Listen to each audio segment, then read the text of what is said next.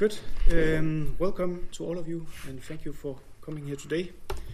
It's a great pleasure to see you, and um, we have the great privilege to welcome you, Dr. Panti Philibus Musa. Um, Dr. Musa earned his doctoral degree in pastoral theology at Luther Seminary in the States in in '98, where I also studied for, for a while. Um, and then he served he served in various positions at the Lutheran World Federation from 2002 to 2013. And then you went back to Nigeria to serve as a bishop. And then two years ago, in 2017, you were elected Archbishop of the Lutheran Church of Christ in Nigeria. And also in the same year, in 2017, you were elected President of the Lutheran World Federation. Um, Dr. Musa will soon present a lecture on what the church in Europe can learn from the church in Africa.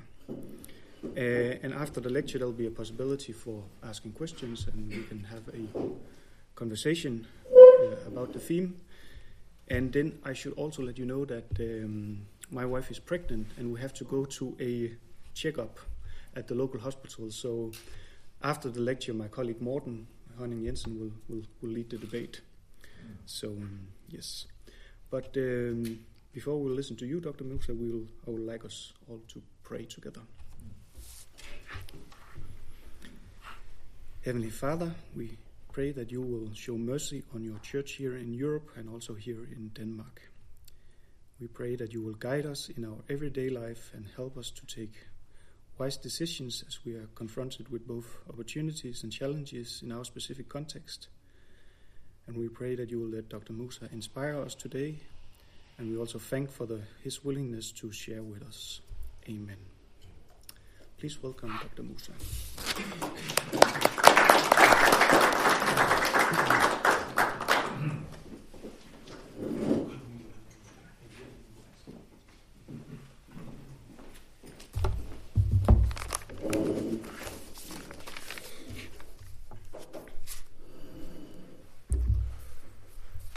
Well, good morning, and uh, thank you for the intro- introduction. And uh, I'd like to use the opportunity to express uh, gratitude for the opportunity to be with you here this morning, but also to share some thoughts at this uh, uh, institution. I want to briefly bring you greetings on behalf of the Lutheran Church of Christ in Nigeria. Uh, my pastoral jurisdiction, um, but also uh, from my dear wife Ruth, who couldn't be here for different reasons. And then, on behalf of the Lutheran World Federation, also, I would like you to bring you greetings. Uh, it's always for us uh, refreshing, particularly to have the opportunity to interact with uh, theological institutions within the global Lutheran family. So it's for me uh, a great blessing, but also a wonderful opportunity not only to lecture but also uh, to, to listen to one another and, and to learn uh, from one another. There's always that possibility, that space for mutual learning and growth. So thank you for, for the invitation. Um, what I intend to do here is simply to uh, make some remarks and then open the space for conversation. I would like to begin by saying I find this topic interesting but also tricky. Interesting because it uh, is a, it's a topic that uh, allows one to sit back and, and to reflect on another context, but of course from one's perspective. Uh, tricky in the sense that uh, it assumes that I understand Europe very well, and therefore would be able to to uh, say to Europe, "This is who you are. This is what is happening now, and this is what you can learn from my context." Um, so I approach this discussion with a little bit of a caveat, and the caveat is that what I'm sharing is more from my personal experience.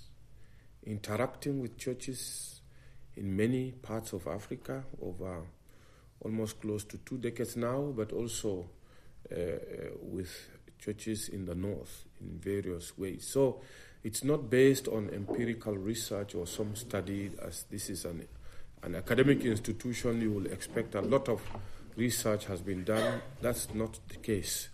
It is simply based on my experience and uh, interaction with various institutions.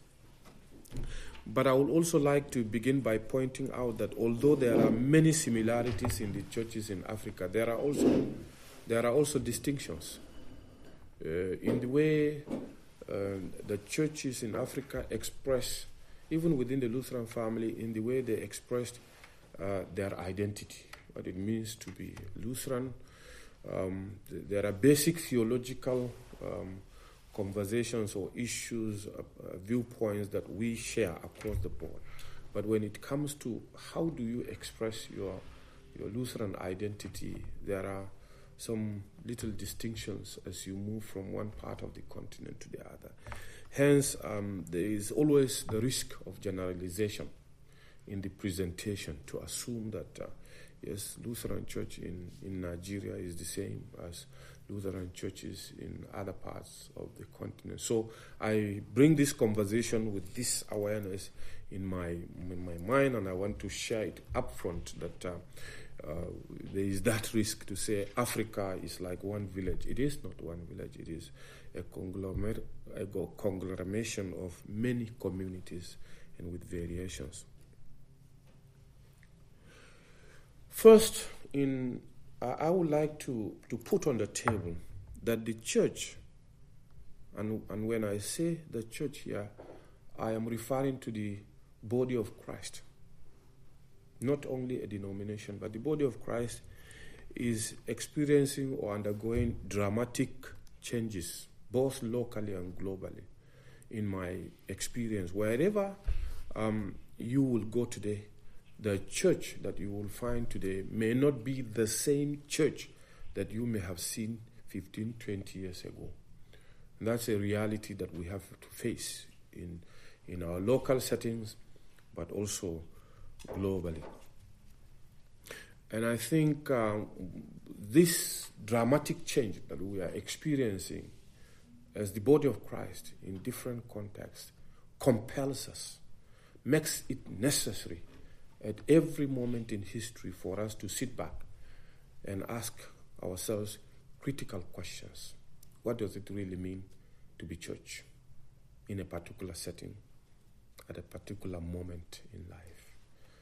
How do we become church in the society and the context we find ourselves today, which is totally different from the very beginning um, of the, of the disciples and the apostles from the upper room where they locked themselves and then uh, with the ushering out by the Holy Spirit leading them and making very clear that uh, the church is not behind the walls. The church is expressed and lived out. The baptism, the baptismal calling, is lived out in the messiness in the world, outside, among the people, and in different cultures.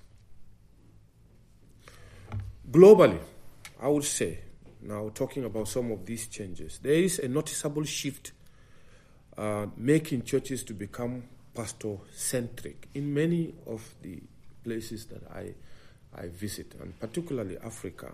Uh, the church more and more is becoming uh, centered around pastors and, uh, and the clerics in many contexts. And I, I think I can also it is safe for me to say I have noted it in many of the contexts I have visited here in Europe, but also North America, that the pastor more and more is becoming the defining point of the church. This is not this may not be true of every congregation, but there is that growing tendency.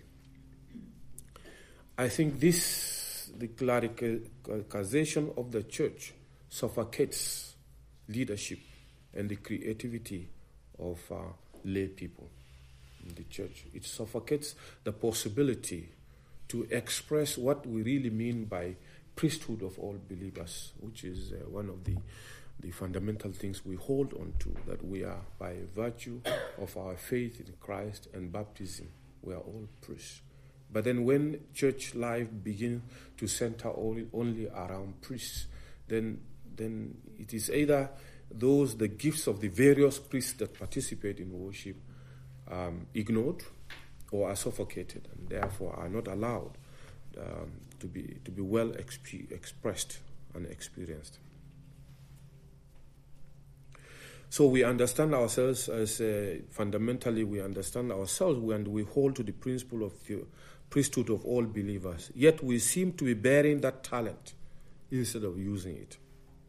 In Africa, um, what more and more is driving some churches towards this pastor center um, uh, ecclesial life, I think it's also the growing, the in, growing influence of Pentecostalism, smaller churches coming up, some of them just springing, and you might not even able to pin your finger on their root and what they stand for theologically. And sometimes they don't even care about doctrinal definition of who they are. But there are churches. They are springing up. They are lively. They are reaching out. And um, uh, sometimes it is about uh, the pastor. You have some churches where oh, sometimes even in worship they have to, somebody is speaking from somewhere. People are gathered around the cross, but listening only to somebody who is speaking from a distance. Um, which means then it doesn't allow the possibility for the congregation to be creative and to grow. I think that is uh, an, an, influence on us in Africa. Uh, in in Europe, uh, I think um, uh, I suspect that sometimes there is the feeling that the ministry it is the is the job of the pastor. After all, he is the one that is being hired and is being paid. Or that mission is old-fashioned. It's something of the past. I have witnessed in quite a number of places where it is very sensitive to talk about evangelism.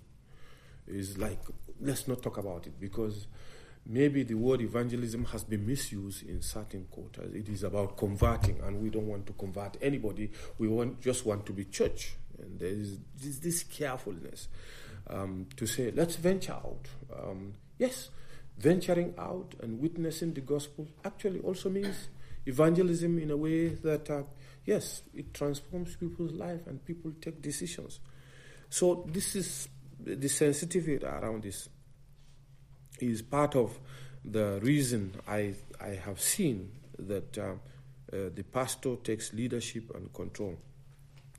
I think today globally, uh, but also within the Lutheran cycle, we need to reflect about ministry, formation of ministry. What does it mean uh, to form ministry, equipping both the ordained and the lay?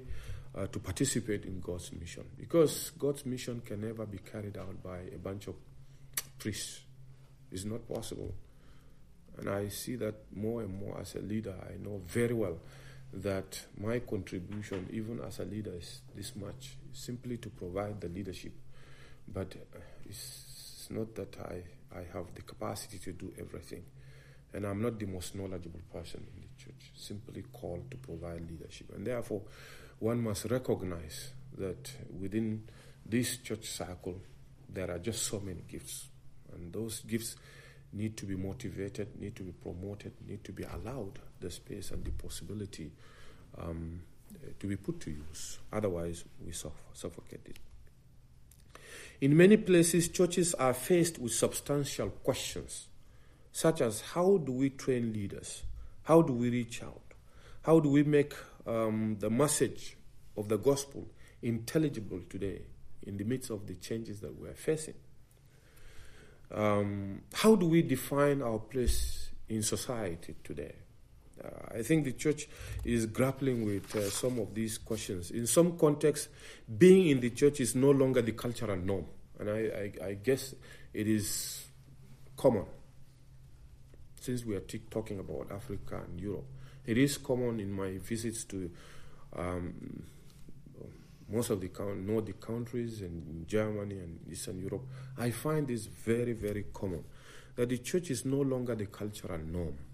Uh, during my discussions since I came here to Denmark, I but I was also able to uh, try to also ask that we look at the other side of the coin, that the church may not be the norm in Europe But deep down, I feel that most Europeans, the value, the value, what most, most Europeans value today is still defined by Christian values. Only if you scratch beneath. In other contexts, the church has never been the norm, after all. In fact, it is even hard for the church to be visible, and we know that. And uh, it is always surprising when we meet Christians from, for example, from the Middle East, where they will never be visible. So there is this huge invisible body of Christ that is growing in some other parts of the world, where particularly the question of uh, uh, the rights, the rise to self-expression is becoming limited. In some, some, some contexts, the church is growing numerically, and that is the case in Africa and in Asia and other places, and continues to expand. And I guess this is also one of the of the reasons that uh, again and again uh, churches in Europe would like to engage with Africa and ask the question, what can we learn from you? Uh, what can what can you teach us? Because the church is vibrant, it is growing, people are engaged. So I'm only suspecting. In others like Europe, the numerical condition of the church is often expressed as a matter of huge concern, almost everywhere. And uh, at least in my interaction within the Lutheran World Federation, where I meet with the bishops and the presidents and diaconal workers and mission uh, leaders, there is almost always, and when we talk about the growth of the church, this feeling of kind of like depressed. Oh, the church is dying. Oh, here we do not know what to do anymore. We are losing. And so the tendency to always look to Africa and to look to other parts of the world. Um, from my experience and interaction with uh, churches in different continents, I would like to caution during this conversation that we are going to have. On one hand, against defeatist attitude. The defeatist attitude, we have failed, we have failed, and blaming ourselves all the time. Yes, of course, the church makes mistakes. And um, we are human beings. The church has always made mistakes, even from when the disciples were with Christ Himself. Fight, huge fighting about leadership, right there, when they were still with Christ. So we have never had a perfect church. And actually, I would say the church has not always been the most loving community, although love is our DNA, is our defining factor, is our identity is what Christ calls us to be, but we have not always been the most loving community. So, in a sense, we have never been a perfect body, and we will never be a perfect body until we meet Christ face to face. But to, to have this defeatist attitude, uh, rather than with confidence and trust that the same Holy Spirit that has established the church, that has empowered the disciples, and, and, and given them the authority and pushed them beyond the walls from the upper room to be in the world, the same Holy Spirit is active today in the world in many ways. And to trust that this same Holy Spirit gives us the capacity and the ability, the discernment of uh, to discern what is it that God is up to in the world. On the other hand, this triumphalistic attitude to point and even be mocking each other. Eh, they are dying. The church is dying in the West. Again, that I find very problematic. Um, that as churches will begin to be triumphalistic in our expression, in the way we see each other. Uh, I think th- that is that that shouldn't be encouraged. So I would like to insist that there is no dying church. There isn't any. To say that that uh, to say that a church is dying means to sin. In, in my view, I can go to the extent of saying it means to sin against the Holy Spirit, which is the one that is bringing the church into being. In the face of the dramatic changes and amidst all the anxieties that these changes bring, there are always people who gather to pray, who gather to hear the word of God, who gather to celebrate the Eucharist, Holy Eucharist, and who seek to live out their baptism in the world, even when we think that the church numerically is no longer growing. And it will still be church. There will still be church by God's grace. So there is no dying church. The church is simply changing All must change. If there are things coming to an end, it is because there are new things about to begin. So, and we must be prepared to, uh, to, to, to, lead, to, to let the Holy Spirit lead us so that certain things, attitudes, understanding, cultures, practices within the church that are no longer tenable, that are no longer um, assets for the, for the visibility, for the growth of the church, we must be prepared to let them die. That's probably provocative, and we don't want that. We want to hold to what used to be. As it has been in the beginning, is now, and will be forever, world without end. That's, of course, part of our statement of faith, but in, in, in, practical, in practical sense, for the church to be in the world, uh, there are moments that we have to allow other things to die in order for, uh, for the church to also spring up with new life. So, whatever form it takes and however it happens, the church is there and it will still be there. Um, so while we are called to be disciples and witnesses, the life of the church is not in our hands. It is not. When we are talking about what can the church in Europe learn from Africa and what, what can the church learn from Europe, we must keep in our minds that the church is not, the life of the church is not in our hand. We can only turn to the Holy Spirit. John 3 8 says, um, The wind blows wherever it pleases. You hear its sound, but you cannot tell where it comes from or where it is going. So it is with everyone born of the Spirit.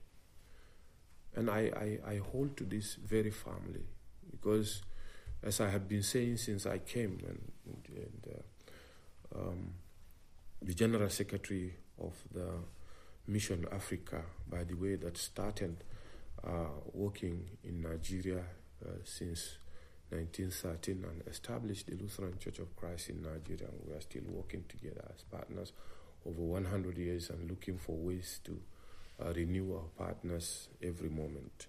I have been sharing that look, the center of the church is not geographical. So, this whole notion of the gravity of the church is shifting to the south is very tempting the center of the church is not geographical. Otherwise, Jerusalem should be the center of the church. But the center of the church is Christ Himself, risen from the dead and is alive among His people through the Holy Spirit. So, what I see is happening is that the church in the West is undergoing changes within itself and also facing social realities. Not that it is necessarily dying. Clearly, things won't be the same as they, they were or as they used to be. Even the European culture will have to change. It has to change because the people are now beginning to struggle what to do with their new neighbors that are in many ways different. We are now having new neighbors that are different from who we are and how we understand ourselves. It has always been easy and is still easy to hop into the plane and to go safari somewhere in Africa, to watch animals in the field, or to do business easy. But the same people that we used to go and meet out there are now in our backyards. They are now our neighbors. They are now living with us. They may be illegal immigrants, compelled by some factors to leave what they call home. But they are now with us. And it's quite a struggle. What do you do with them? What do you make with them? It's, it's, it's, it's, it's quite a challenge. Do we welcome them? Or do we just, okay, they are just in the street? On the other hand, they are also struggling. Do they really fit? Can they integrate into this society? Or should they have a little Nigeria in, in Denmark, a little Tanzania in Denmark, a little Cameroon in Denmark, a little Indonesia in Denmark, and live their lives separate? And which is not going to be helpful at the long, in, at, at the end of the day because you can't live different societies side by side without integrating. I think this is when the church in Europe is grappling with questions, this is one of the main questions also. It's difficult. And I think one of the main questions, also issues haunting European churches, is that religion and faith has become a private affair, more and more being privatized, apart from the fact that it is no longer the norm in society. It used to be that here in Denmark, automatically you are just a Lutheran. You are just born, you are a member of the church. And people are struggling to define their identity. Are they really Christians simply because they are born into a Christian family? Should they have to go to church because they have Christian parents? It's quite a struggle. And more and more young people are saying, well, maybe it is something we need to think about ourselves. Uh, being born in a Christian family does not necessarily mean automatically people are Christians. So they are struggling and thinking. Sometimes religion has also been ostracized, made to look like it is the bad, bad guy. Religion, Christianity is the bad guy in the society. Something else is better. It's better than expressing yourself as a, as a church goer or or as a member of the church. Um, I have sensed among young people actually sometimes uh, some embarrassment to express that they are members of the church when they are together with their peers. So, this is a big change, a shift in Europe. But we know that faith is a public issue. As you can't tell a light not to shine and to be confined to an hour in a week or a remote realm in your innermost being. It is, you can't uh, confine your faith. It lives with you. Even if you, um, society does not want that you express it publicly. And, and actually, actually, we don't have to be arrogant in expressing our faith publicly. But we can't confine our faith at home and live it out in society. And I, I suspect this is also probably one of the things that characterize many of the churches in Africa that for now we don't have legislatures in many countries that makes it difficult for people to express their faith publicly. So I say for now, again, because we do not know the future. It's not in our hands. Our prayer is that uh, it will not be the case in the future, but we, we, it's not in our hands. In terms of growth in Africa, it appears to me the key of the vitality of African churches is the role of lay people. Besides, I made a statement, I said, it is not in our hands, it is in the hands of the Holy Spirit. But within this, I think it is the participation more and more of the lay people who are agents of mission and proclamation and uh, they are upfront anyway in sharing their faith. In some many congregations that I know, they have uh, in their programs sometimes they just go out. We are going out for evangelism. We are going out for witness. We are going out to visit.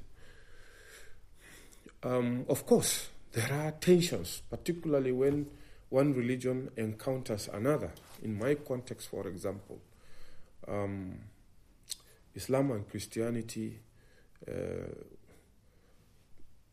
have been at loggerheads in many ways. And Christians and Muslims are not the best of friends in many parts of my country, particularly the north today, uh, which is a big change. It hasn't been the case, at least growing up as a, as a young man, I know that I lived with a Muslim family for seven years. in order to go to school because there wasn't any in my village. So the only thing I was to move to the town, nearest town, and then I needed education. So I had to leave my parents and stay for seven years. And that, is, that was common with many young people. It's still uh, common in many remote areas today. So until today, I still value that family that I can go regardless, despite my uh, movements around the world. I still, when I go home, I still take the time to go and greet the family. So there is there is some uh, relationship that we have been we have held together since 1971, and we still cherish it. But um, the the in general, the relationship is very tense. It's not good.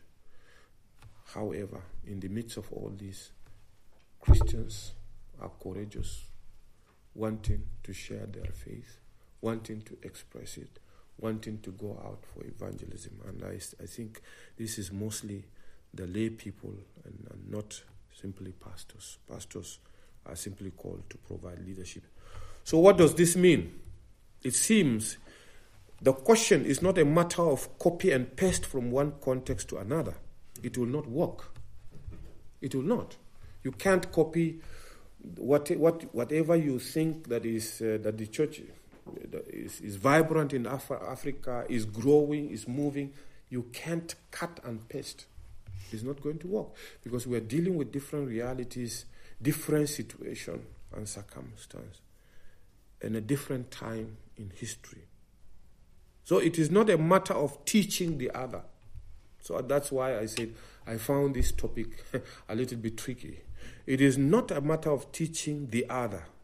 The times of teaching another belong to the past, and it should be in the past. Those were painful moments when in Africa, for example, um, yes, we appreciate that the gospel was brought to us, but we can also look back and say there were so many garbages that were dumped on us. And so we had to struggle to define and to distinguish between what is the gospel and what is Danish culture. It is not always easy because a Dane going to Nigeria for mission cannot live his or her Danish lifestyle here. He or she goes with it. And, and for the local people, there is a tendency to see what this Dane does. It's the gospel. How he does conducts his life or conducts her life is the gospel. Those have happened. Or the Dane thinking that, okay, your way of life is totally different. And there are so many cultural elements that afterwards we, we were compelled by changes and demands in the society to reintegrate them into the worship life. I almost never went to seminary because young people were beginning to clap in my church. And I know um, Mr. Elkanah is here, he's also a witness, that Pentecostal and charismatic movement was coming in very strong. And young people found it appealing to, to, to use drums, local drums, and to clap. You could be disciplined by clapping. And it was just like this that they are allowed to go to seminary for just because of clapping uh, as young people when we gather for Bible studies and worship. So eventually the church found out, after all, David, and somebody told me, he said, You know, if David was dancing, why do you tell us not to dance? so that, that is the change in nature of our witness. That we, we, we, so the time of teaching other the other, I think, is yesterday. What we need to affirm is that we are in a journey of mutuality. Since I, ha- I came here last week, I have just learned so much. Although my friends in Mission Africa say, Oh, you taught us so much, but I know I have learned so much. I have, I have learned more to understand and to appreciate the realities that the, some of the realities that the church in Denmark is dealing with, which I, I will probably just assume. I was sitting together with um, Henrik, uh, with the bishop in Copenhagen, who is Peter. Who is Peter? Oh, there's so many Peters here. Just say Peter or Henrik. Okay. Well, I think I'm getting to a point that whoever I see in the street, I say Peter or Henrik, and that's, that's it. Other names, I don't know. You see, in our discussion, we came to the point to see that more and more churches tend to retreat to themselves because of the changes in society. Or we take care of ourselves, or we have our own concerns. The churches and organizations that used to be outgoing with a passion for mission today, oh, well, we also have our problems here. We also have our issues here. So the tendency to retreat. But retreating to ourselves is not a choice, it's not an option, whether it is in Africa or in Denmark. We can't retreat to ourselves.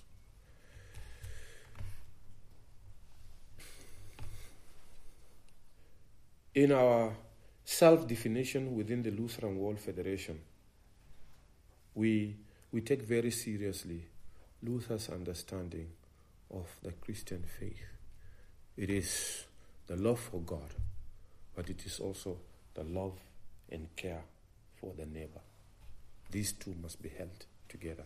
They are inseparable ways to express our faith. So, if there is something we can mutually learn, rather than Africans teaching uh, uh, the, the, the, Europeans, is to say, let us never lose sight of this, this inseparable dimension, separable dimension of being church, loving God and loving the neighbor, and caring for the neighbor, even if sometimes it is um, very difficult and challenging to live with the neighbor. And I can speak of my context. In just before we had our elections in February, it was the environment in Nigeria was very tense. From politicians using vulgar language and hate languages against their opponents to others exploiting religion inciting one after the other in order to be voted. Here, the church has to insist that democracy is not about insulting the other. And as a church, we say it is not part of our identity to use languages of hate, inciting, even if you want to canvass for votes. It is incumbent on you to never neglect your Christian identity uh, to, and to live with it and to live it out. So I think uh, uh, we, we must step outside the box and think differently in Europe, as also in Africa. Um, in, in this regard, it is important, I think, for us to always establish connecting and work, networking opportunities to work together and learn together across continents and cultures. This again means that churches, as churches, will have to reflect very carefully about the role of the ordained ministry in the Lutheran Church. We also need to go back to the basics how we understand ourselves as disciples of Christ and our calling to be in mission. So we need to pray to the Holy Spirit to allow us to be able to share and to learn from each other. The church in Africa is in a changing environment, the church in Europe is in a changing environment, and each on its own with, with different characteristics and nature. But if it is a matter of human beings, then we could say, oh, we are growing and we are vibrant and we are lively. But I think that is not the way to go. And on a, from a human point of view, just in summary, the Europeans will say, oh, the church here is dying. Oh, we are no longer who we used to be. Things are changing. We are depressed. But I say again, that is not the way to go. But we can share together. We have so many gifts to share with one another. In the theological realm, I think there are just so many resources that can be shared across the globe from the south to the north. So I would, I would rather say just simply open these remarks rather than the Africans are coming to teach Europeans and the Europeans are coming to teach Africans. I hesitate to do that. I simply say, let's have a dialogue, let's relate to one another, let's mutually be on a journey, learning like the disciples on the road to Emmaus. And Christ was even walking with them, they didn't re- realize and they didn't recognize him until he opened their eyes around the table. And I think always around the table, God can open our eyes to see more what it is that we should be a church today.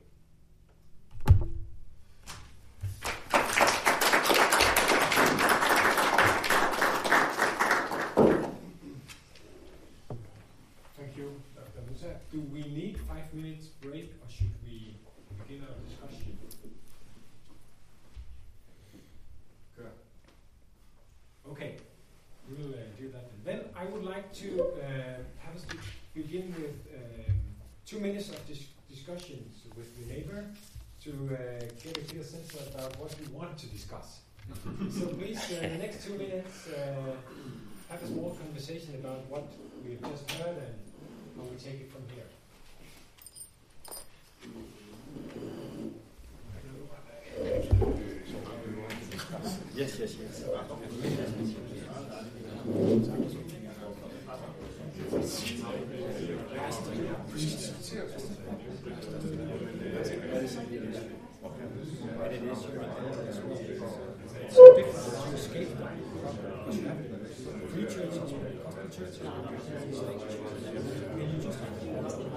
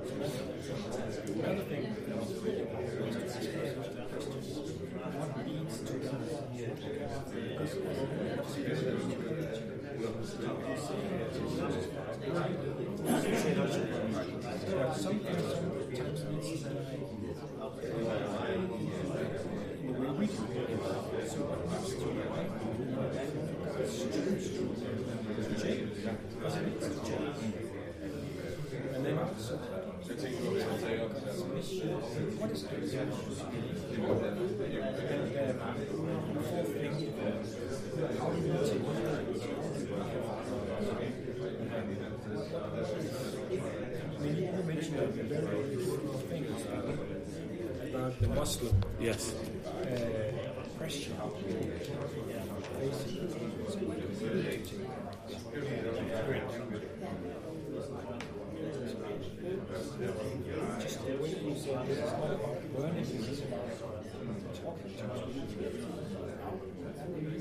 So it is the pastor is the dialogue. Yeah.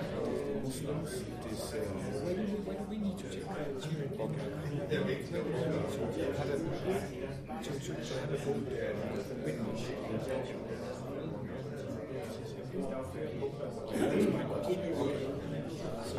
just uh, yes. I think this is what I prefer. Thank you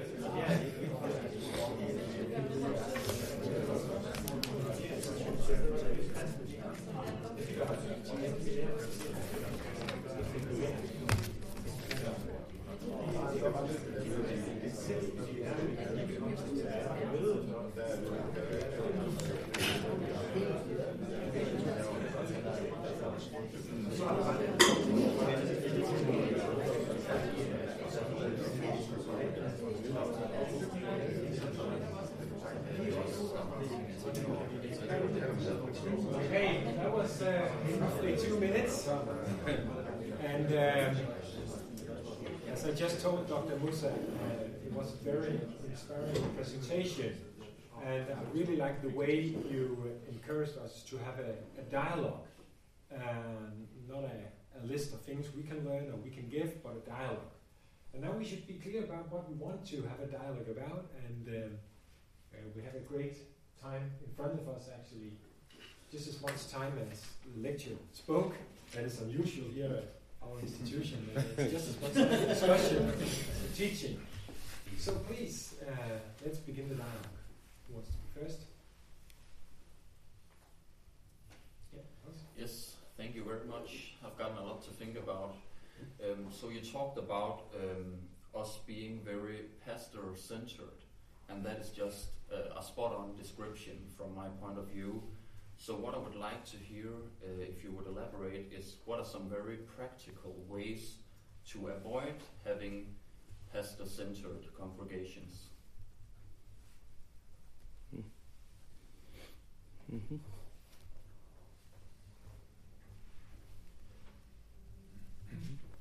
You want me to Yeah, just yeah, respond? Yeah, yeah, I think we should do it like that. Mm.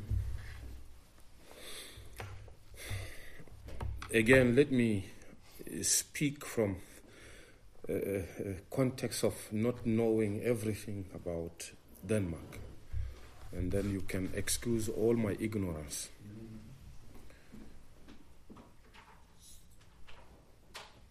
The whole notion of priesthood of all believers is very important in our Lutheran identity. But it is a concept that is easier said than done.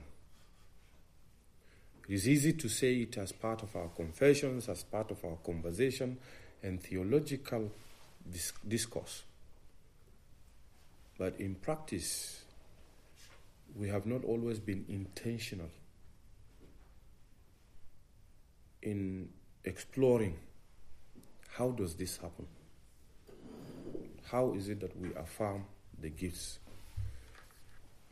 From my context, probably we are also forced by circumstance to realize that the pastor alone cannot be the counselor, cannot be the one that teaches catechism, cannot be the one that visits, cannot be the one that is preaching.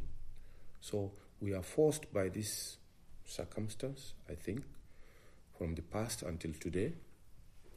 Um, a pastor, one pastor is taking care of several congregations, two, three, four, and I know in some remote areas, even in Europe, it happens. But it's not as in my context, uh, where people have to travel for miles to get to one congregation. So the environment compelled us to begin to see that it is not possible for the pastor alone to do the work. And then pushing us to affirm um, the basic contributions that members can bring. So, identifying different groups within the church the women group, the youth group, the choir group, and other subgroups, and motivating them, engaging them, not being distant from them, from the office of the pastor to the office of the bishop. I consider it, for example, one of my responsibilities that when at the national level women are meeting, I create time to be with them. It allows me to listen, to listen to what the questions they are raising and they are discussing, and to encourage them to engage each other, not taking over. Even if I participate, I come as a guest. The same thing with the young people, the youth. At the cathedral where I worship, when I have the time, I just walk in, uninvited. I know that they are having a program. It may be youth, it may be women, it may be whoever. I just walk in and I decide to sit at the back. Of course, they don't like it. In the, Afri- in, in, in the African context, they want to recognize that, oh, the Archbishop is here and they want to announce it. But I come in very quietly and I sit at the back. And I insist on sitting at the back. So that makes me also part of the congregation. And initially, those who will be leading the Bible study, they will be very, very uncomfortable. but they realize this is just what I want to do. They can't stop me. They don't. They can't control. So if I notice that they are making, there are some things that I need to advise, then at the end I can stand up and say, okay, you did well. Maybe you can consider this. So it's a way of empowerment, kind of empowering them, uh, not through a structured teaching necessarily, but simply through this uh, engagement that you figure out there is something that you need to share. There is also something that you need to get. That, that's for me one of the practical ways. But I think it is also the affirmation of the ministry of the lay people in the life of the church, in the, in, in the liturgy. And I think here you do very well also. You do very well in engaging um, lay people in the, in the liturgy, in music, and all of that. But we can, we can strengthen that more from the theological formation, from the teaching, from the formation, the affirmation that every person has a gift to bring from the beginning. I think would be one of the practical ways. This is a seminary. In my context, we say that this is the lifeline of the church. Whether the church, however, the church is going to move, it depends a lot on the kind of leaders and the formation that happens at the seminary. So, for me, this is one of the most important places in the life of the church in Denmark. This is one it's not the office of the bishop. There is just administrative and all kinds of bureaucratic processes that happen. But this is one of the most important places. Because here, it is here that you are sending out people. So, tilting the curriculum as, as professors and, and students and looking into re emphasizing again the role of uh, the lay people in the life of the church. And for them to go out with this, I think is also one practical way, particularly that, that we can deal with. I have visited several seminaries. It is not always that we are intentional in this aspect. And then uh, I think here you are probably better than, than my context where the, the theological formation is not done in abstract, not in reading books and having all these beautiful lectures in the seminary setting, but always going back and forth and being part of the congregation. We have a culture in my church that every long vacation, you call it summer here, but we call it long vacation. When schools, when the seminary closes at the end of May, before it opens, reopens in September, it is expected that every theological student at least has four weeks of engaging with their sending congregation. Just being part of that congregation, interacting with the people, and they have to report. It is part of the training that they have to come back and say, This is how we have used our time during vacation to engage our congregation. So, a little bit here and there. But I, I, I leave that with you. You are, you, are the, you are the builders of this church. Amen. Something to think about. maybe a bit more. Okay, next question. Asger. Uh, thank you very much for your presentation. I enjoyed it very much, and, and I think you have a good sensitivity for our situation here too. And maybe you have heard of Danish church life, I assume you have, and also have a sense of our institution being a part of a minority in our church in many ways. And now we hear a voice of our own sitting at the chair of LWF, LWF. Mm. What does that mean? Because LWF, in our eyes, in many ways have been the representatives of the more liberal part of Lutheranism and, uh, and, and so on, political path. And what does this mean? Uh, I have some. No, say very clearly what is it that you want to hear. Perhaps I could just say Thomas here is a student at our faculty, and Asger is a retired professor of systematics uh, with emphasis on, on Luther.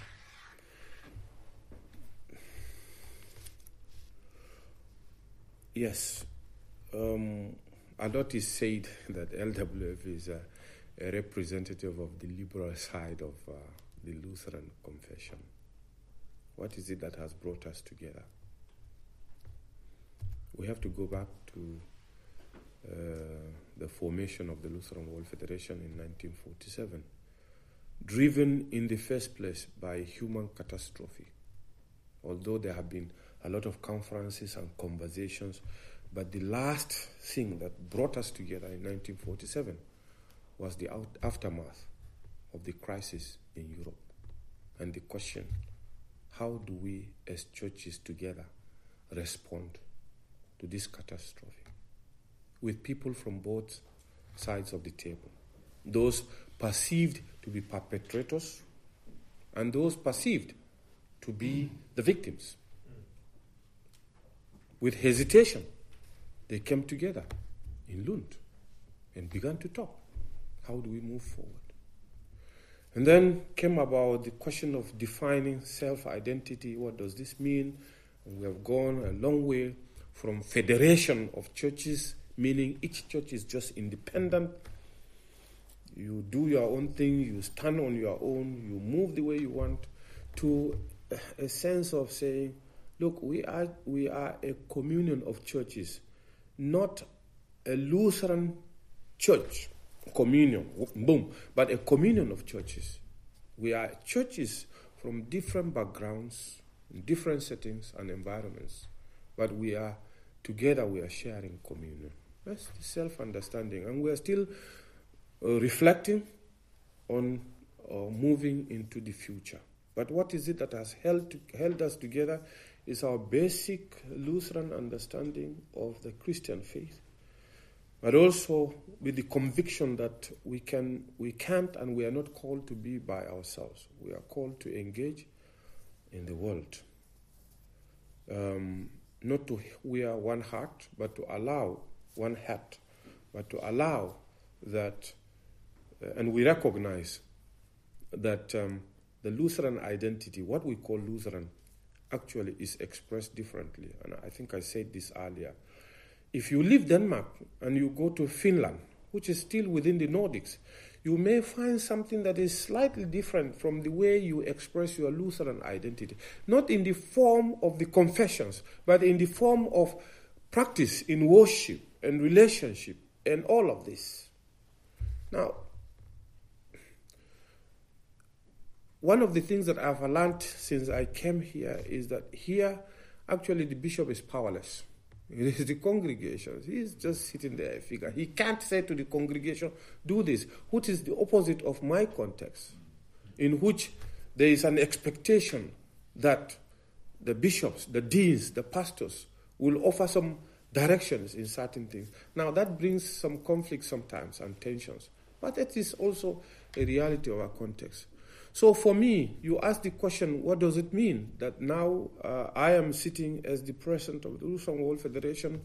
I don't see myself as starting everything anew. I see myself as leading this body of 149 churches to build on the legacy of the past. There are always reasons for tensions and difficulties and disagreement.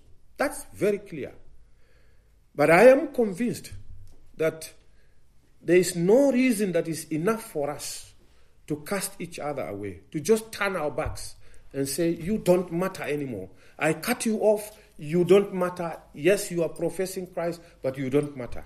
I think we are better off by challenging each other and finding the table and the space to disagree and push each other and challenge each other than casting each other away.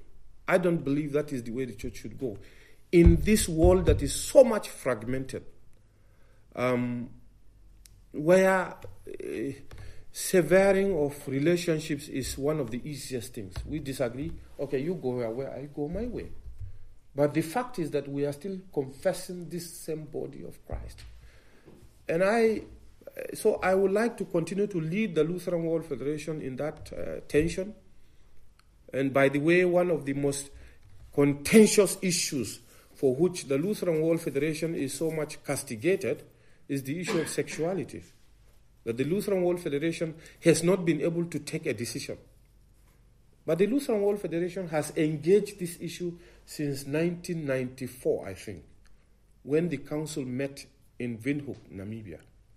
There, then already, the then General Secretary from Zimbabwe, Dr. Ishmael Noko, brought this to the attention of the council and said, there is an increasing conversation on the matter of sexuality.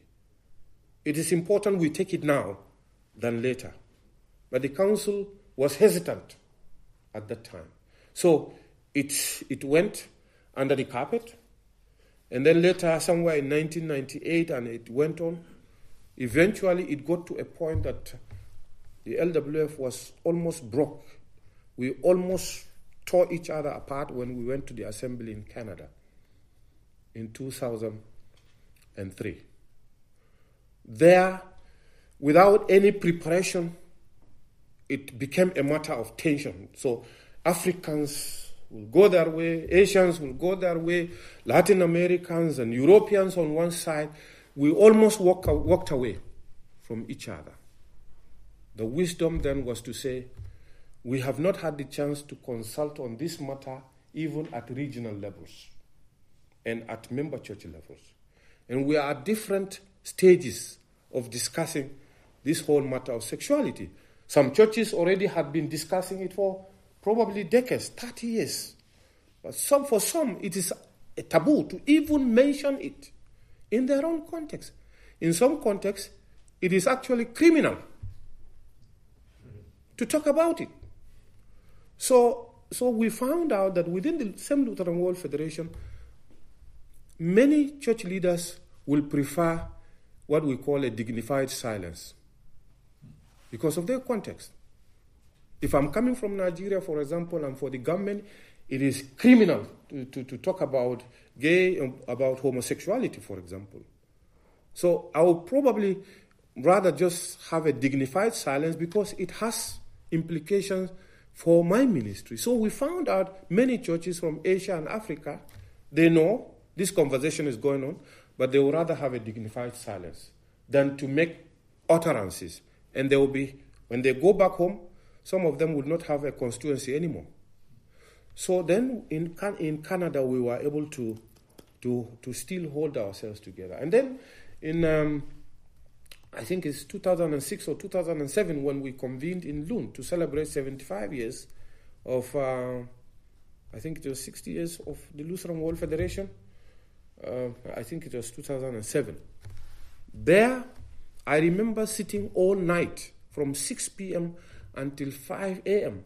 because each region was supposed to make very clear their position on this subject matter. And as the Secretary for Africa, I was the kind of scribe. And I had to sit with the church leaders from 6 p.m. until 5 a.m. in order to come out with a statement that should be shared in the plenary the following morning. So, again, each region came out with their statements and all of that. We didn't get to a point of taking decision. So, along the way, then it was decided no, let each church continue to discuss this matter. Let us not go the Anglican way. Anglican, you know it, you know the story. So we said, let's continue the conversation. But within this conversation, there is a possibility to sit together to continue to do other things because sexuality is not the only subject that the church should be dealing with in the world today.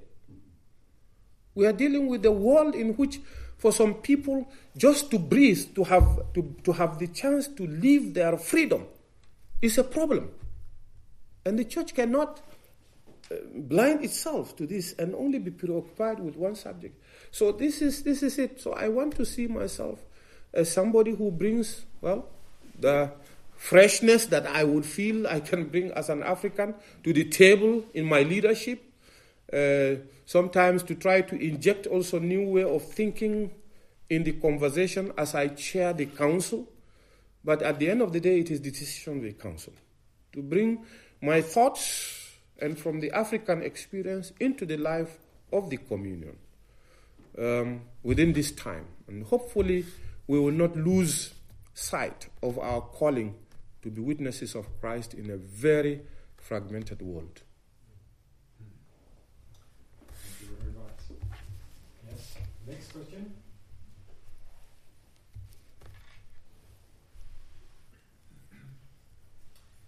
Uh, Klaus, who is teaching New Testament Mm. uh, in our faculty. Mm.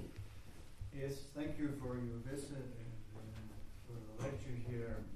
I was uh, thinking about something that you did not talk very much about. but uh, you were painting a picture of the European church as a church that has this uh, defeating attitude, as an attitude of defeat. And I think that's, that's very uh, that's very correct, I think. Uh, and um, I think we have this attitude because we are we're facing oppression from the secular uh, culture that dominates uh, Europe.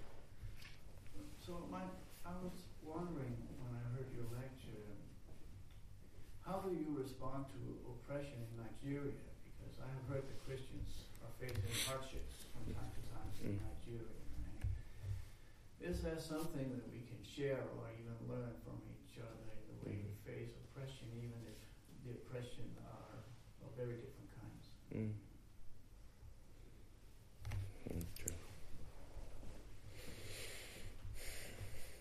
Mm, difficult question. I wish I can say A, B, C, D. This is how we are dealing with it, but it is, but it's more complex than that. But it is a reality. It's a, it's a reality that we have to deal with, and yet it's more complex than just saying, "Well, you do A, B, C, D." Um, it, it is uh, something that you have to deal with within context. And uh, you see secularism as uh, an oppressive factor here in Europe. Uh, in my context, uh, I suspect the language uh, secularity, which is enshrined in my constitution, is problematic. I wish my constitution said we are a country, a multi religious country, rather than a secular country. Because for extremist Muslims, the word secular is already offensive. It is a word only seen as a European imposition of something on Nigeria. Is uh, is borrowing, is bringing this uh, whitish European thing, and, and, and which is anti-Islam, which is um, anti, yeah, anything that Islam represents. So, a word such as a, a multi-religious country would have been probably better in the constitution. So, so, so some young people will say they are fighting the whole notion of secularism, which is enshrined into our constitution. Now, oppression in that context happen, happens in many ways, in different ways. And how do you um, deal with it? I think fundamentally, the confidence and the trust that God is still in charge, despite all the mess that is going on. As a, as a Christian church, the conviction that God is still in charge of the nation called Nigeria. God has not abandoned this nation. And that with the hope also that, uh, yes, God will lead us to a way to um, transcend the situation we find ourselves.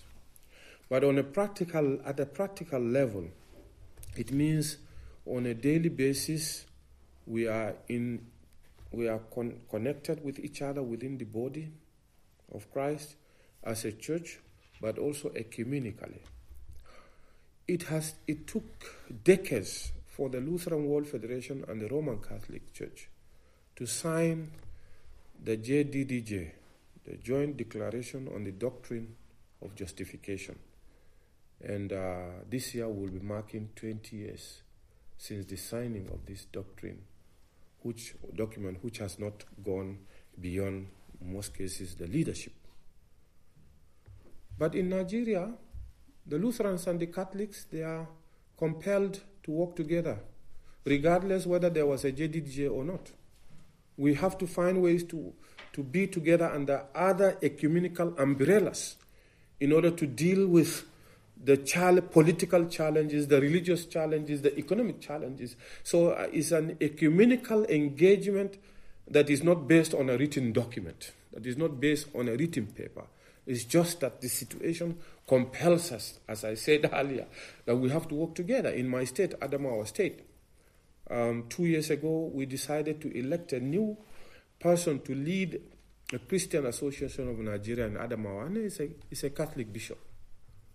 And he's doing very well in mobilizing the church to have one voice in the face of religious extremism, political extremism, because there's political extremism that tends to only favor one side of the society and neglect the other. That's another extremism. So, how do we mobilize ourselves to be one, one voice? And this one voice can be a public voice, but it, it can also be um, a voice And I like Esther model, a voice that goes to the authority and say, look, what you are doing is not right. And we do that as individual church leaders, but we do that also together. And I can cite many instances where we either were meeting with the governors or we are going to the office of the president and things that are never written on paper. But you have to take the risks because you can't be silent, uh, which is very, probably very difficult in your context. You have to take the risk. And actually, the church members expect leadership in that direction to refuse to be silent in the face of uh, aggression, persecution, or whatever, whether it is uh, imposing uh, uh poverty, level of un- unemployment among young people, to refuse to be silent. So, and this is not about somebody's power and authority. It is, I think I, I, I credit this to our self understanding that we are trusting the Holy Spirit to give us even the utterance, to give us even the courage to refuse to, to, to be silent. So, this is it. But it must always be accompanied by constant teaching, constant engagement with the lay people, because the young people sometimes they don't care. They will decide to just do their own thing. So it puts pressure on us leadership to constantly have the same message that look, um, violence for violence does not hold a society together when they want to go to the extreme. And to say there is always an alternative way of living.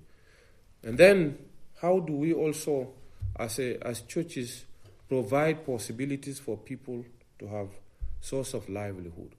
When you hear of Boko Haram and other insurgents and, and banditry, a lot of young people also are recruited. And we are, our feeling is that some of the young people, if they had something meaningful for their lives, they may not necessarily be recruits. So you ask the question, how do you face oppression? You have to take different steps, and it, it, it, that those steps will have to be defined by the kind of oppression that you are facing. But we are called to be prophetic in our engagement, whatever it is, whether it is diaconia or preaching or um, being a public voice. That's, that's some of what I could say. Not always, easy. Uh, as a church leader now, I am a public target. And the security tell me all the time. So I have to watch out my movements and all of that. But that doesn't silence me because I know also by accepting to be a leader, I have accepted responsibility also to, where necessary, be the voice of those who wouldn't be speaking. So it's, it's about also taking responsibility as a leader. You. I think we have time for a question more.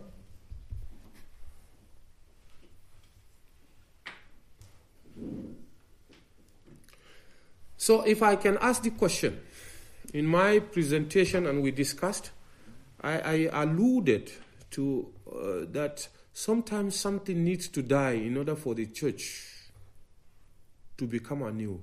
What do you think would need to die in the European context? Or maybe there is nothing that should die. We, let's just continue. No, no, something needs to die in order for the church to change and it's not church bells we're discussing.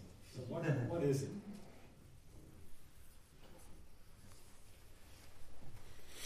One quick answer would be that we should refrain from uh,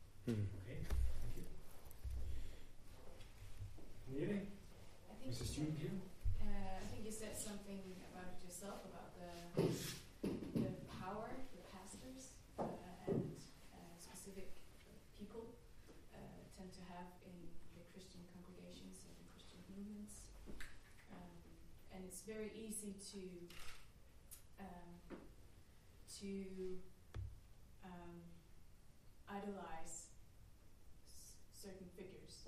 And uh, maybe it's also a temptation uh, to uh,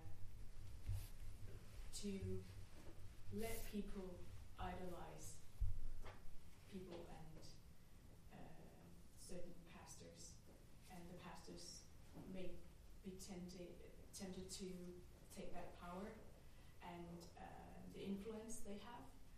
Um, and uh, we were just talking about Sarah and I uh, about the are we, we as Christian leaders uh, starting a movement uh, that would engage the whole congregation, or are we just building up our own power or our own influence or fame or whatever?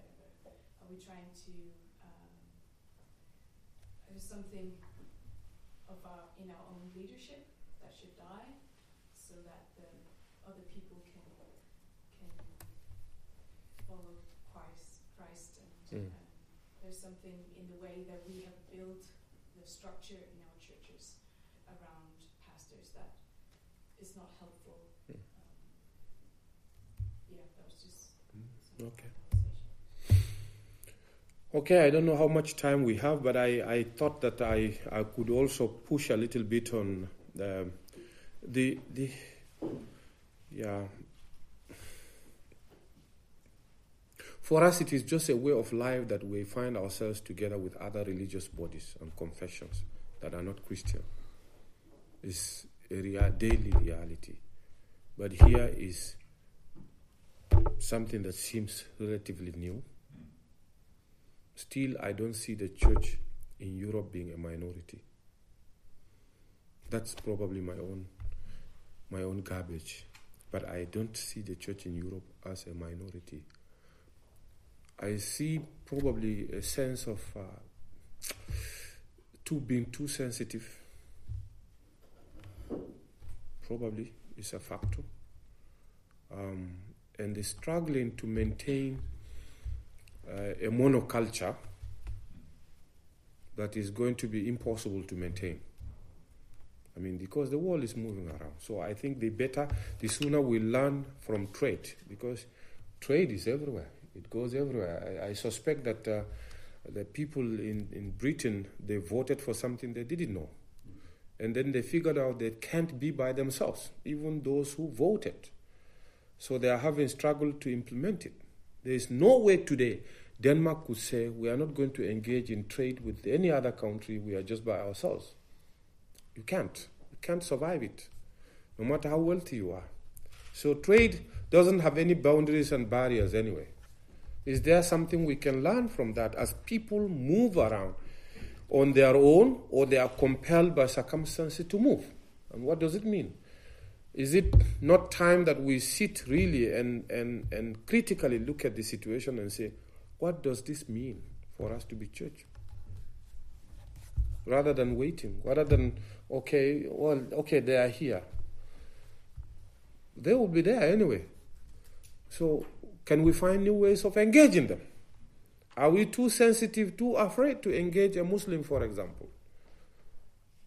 Maybe, maybe not. I don't know. So, I, to repeat myself, and I'm sorry you can say this Nigerian, he is so ignorant. I don't see the church in Europe as a minority. What I see is changing attitude towards church and self understanding of what it means to be a Christian. But not yet a, mi- minority. Here in Denmark, I, I think some of the bishops have told me that at least 75% of the population identify themselves with the church. So if that is the case, then the church is not minority. It's just a question that we have to find other ways of what does this mean to live out our baptism today. Should we look at ourselves as? I don't know. I'm saying no. I'm refusing to accept that you are a minority. But but then I can't define for you who you are. I, I'm saying as an outsider, I don't believe that you are a minority. You are not. And the world surrounding you would find it hard to accept that the church in Europe is a minority. And here I, I can take the risk to speak for millions in Africa and Asia that have never had the opportunity to set their feet here. But they will never accept that you are a minority. So, but if you say to yourself you are a minority, what can we do? okay. You cannot do nothing. okay, thank you very much, uh, Archbishop Musa. I think we should give you a final round of applause.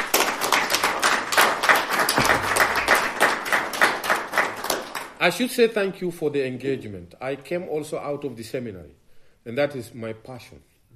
Hopefully, when I finish my ministry, there will be a space for me to go back to the seminary. That is my greatest joy to, to be with students uh, who are going to be engaged in various ministries in the church. So, thank you. Thank you very much. Then just before we break up, uh, Clement Datchet uh, would like to say something about the migrant churches which you, you are working with. Jeg siger først, Clemens han er øh, connected til det mellemkirkelige råd. 25 procent af hans tid låner vi fra Mission Afrika til mellemkirkelige råd, hvor han er rundt og øh, simpelthen finde ud af, hvad er der af migrantmenigheder i Danmark. Og det binder egentlig ret godt op på det Musa, han siger her. Og også det, som Peter og jeg har talt om. Hvad er det her med mini-Nigeria og mini-ting og sager? Well, I You can want. do it in English. Yeah. Okay. Thanks. Uh, I would like to thank the Archbishop for raising up quite uh, a number of important issues in his presentation, and one of uh, that, of course, is how does the Church in Europe uh, self-redefine itself in in a new context. And part of the context, like he mentioned, is having new neighbors. I am one of those in this new neighborhood, uh, and uh, we as new neighbors in uh, rather monocul- monocultural society, as it were, um, have different approaches as to how we want to be part of this new society. There are those who want to stand in their own exclusive communities, uh, like you said. Some would want to build their little Beirut, little Saudi, little Iran in different pockets. But my approach, and along with a number of others, has been uh, to be part of the society that we uh, have now come to call home and be integrated. Uh, but it is also not just those who come in that have to do the adjustment. Uh, it's also those who are receiving these new neighbors, and that is where I think the challenge for the church comes in. My, I am, I, I, I am a member of the Danish uh, church, and don't ask me how, because I know that by law there are many questions around that. If somebody from another culture can actually become a member of the Danish church. And that is where the challenge is, and that has to be an internal conversation within the Danish church structure itself. The how does the church define itself in such a way that the other can become part of the body of Christ in Denmark? And I think that's one of the huge internal challenges that we have to deal with, because I think that the church still has an ethnic element in terms of its self understanding. And therefore, when someone from a minority, as we call it, ethnic background comes in, is always the question whether there is actually a place for that person. The question I would want to ask is, of course, of course, how many migrant pastors do we have in the Danish church as Danish pastors? It's difficult because even by the sheer definition of a migrant church, the Danish church defines a migrant church as that church whose pastors and members are not born and raised in Denmark. So that creates an exclusive definition already, just by that. So, but over the years, like I mean, the past one year, I've been employed within the Danish uh, Interchurch Council uh, as also part of our engagement in Mission Africa with this bigger question: How can we, as a mission organization that has always gone down south, today also be a mission organization that is relevant here in the Danish context, and engage in that bigger question of how do we redefine the church and mission? Where does the boundary go? How far does the boundary go? So, in that context, I've gone around Denmark interviewing several migrant pastors and trying to understand what has been their experience with as be, being Christians in Denmark and be with the Danish church. What are the opportunities for cooperation? What are the opportunities actually for being part of the Danish church? And I've met different reactions. There are those who would definitely love to be part of the Danish church. There are those who are like, yeah, we want to maintain our self identity, we want to maintain our community because we feel that the Danish church is dead.